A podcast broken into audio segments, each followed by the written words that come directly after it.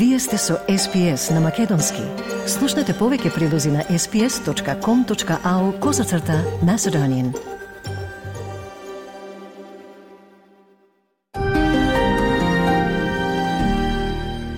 Американскиот дипломат задолжен за Западниот Балкан Габриел Ескобар денеска и утре ќе престојува во Скопје. Тој ќе има средби со премиерот Димитар Ковачевски, со председателот на државата Стево Пендаровски, како и со лидерот на ВМРО ДПМН е Христијан Мицковски. Американскиот заменик помошник државен секретар доаѓа само неколку дена откако во парламентот почна процесот за уставни измени, но и поради тоа што власта не успеа досега да обезбеди 80 пратеници за да го изгласаат предлогот за потреба за измени на уставот со цел внесување на македонските бугари во преамбулата како услов за одржување на втората меѓувладина конференција со Европската Унија. По петочната седница пораки државата да продолжи по европскиот пат стигна од председателката на Европската комисија Урсула фон дер Лајн и од американската амбасадорка во земјава Анджела Агелер. Христијан Мицкоски признава дека темата на овие состаноци со странските дипломати се уставните измени и вели дека Ескобар е добре дојден ако сака да ги чуе аргументите на опозицијата и на граѓаните против уставните измени. Секој некој што сака да ги слушне аргументите на коалицијата предводена од ВМРО ДПМН на народот во Македонија е добре дојден. Тортура и притисок во 21. век никој не врши а и да вршат притисок. Тогаш одбрале погрешни соговорници.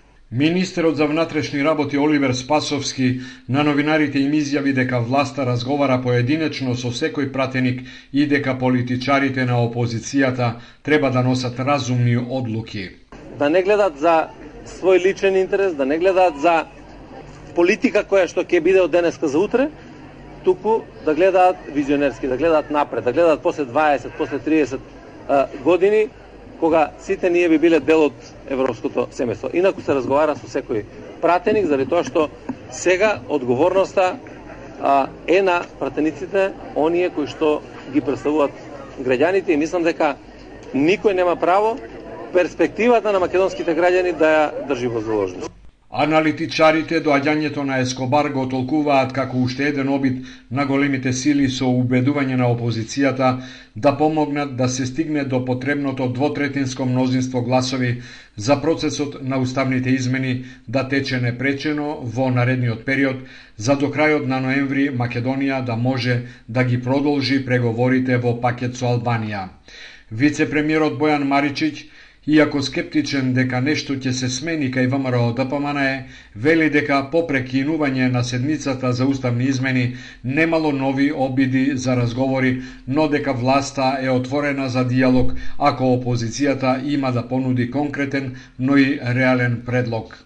Ние сме подготвени за тоа да разговараме, да видиме што е тоа што треба да го добиеме за опозицијата да се обврза да гласа. Меѓутоа, доколку се тоа на вистина сериозни предлози, кои што ќе не доведат до подршка, двотретинска подршка, а не доколку се тоа предлози за купување време или бесцелно или безкрајно одлагање на, на одлуката. Додека позициите на партиите остануваат непроменети, владата преку програма во вредност од 80.000 евра ќе се обиде да ги запознае граѓаните за тоа кои се приоритетите и користа од членството во ЕУ. Кампањата ќе се одвива под слоганот Ние сме Европа. Маричиќ се надева дека во процесот на убедување ќе помогне и самата Европска комисија, која треба да ги расчисти дилемите на опозицијата за гласање за промена на уставот. Она што мене и мислам дека и голем дел од јавноста го плаши дека дека ВМРО ДПМН е како политичка партија дека нема намера да гласа ни сега ни по изборите. И затоа мислам дека необходно ќе биде во државата да се кристализираат две политички опции без разлика кој на која партија припаѓа, оние кои што се за членство во Европската унија и оние кои што се против. Владината кампања за промоција на ЕУ ќе почне на 30 овој месец и ќе трае 10 дена во кои ќе бидат организирани повеќе трибини во неколку градови во земјава. Осумте мина припадници на МВР кои во акцијата за разбивање на вооружената група во Куманово во мај 2015 година ги загубија животите, но не води во населје, туку пред полициската станица во градот, вчера добија скромно спомено обележје плоча со апликација на нивните ликови.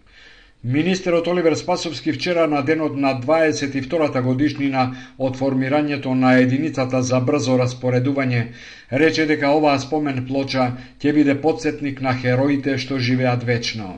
Оваа спомен плоча ќе биде и подсетник на денот кој посакуваме никогаш да не се повтори. Кој остана врежан во колективната меморија на моите сограѓани.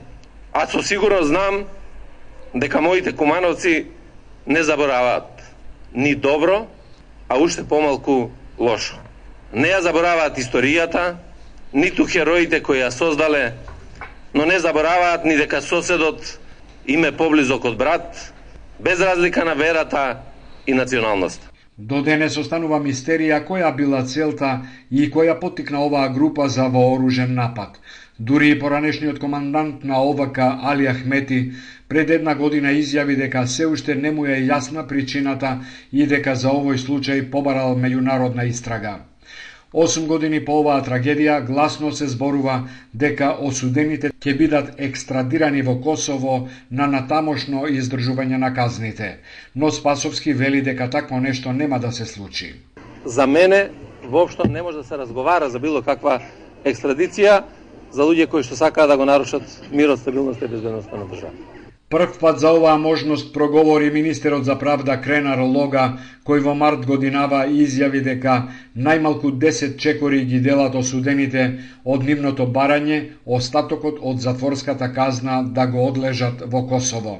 Од 37 мина обвинети, четворица добија ослободителни пресуди, 7 мина доживотни затворски казни, 13 казни од по 40 години затвор, пошто ќе треба да бидат протерани од државата, додека останатите добија 12 до 20 години затвор. Остварување на кое е било граѓанско право нема да биде доведено во прашање ако навреме не се променат личните документи, изјави вчера министерот Спасовски. На прашањето дали со старите лични документи ќе може да се гласа на предстојните председателски и парламентарни избори, тој рече дека сега воопшто не се поставува тоа прашање. За завчера искажаниот став на народниот правобранител дека личните документи со додавката Северна треба да бидат на товар на буџетот на државата, Спасовски рече дека за сега нема таква одлука.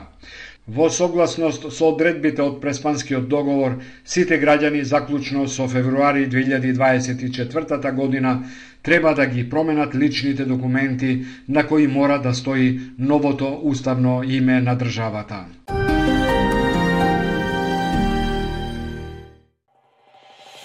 Сакате ли да чуете повеќе прилози како овој? Слушате подкаст преку Apple Podcasts, Google Podcasts, Spotify или од каде и да ги добивате вашите подкасти.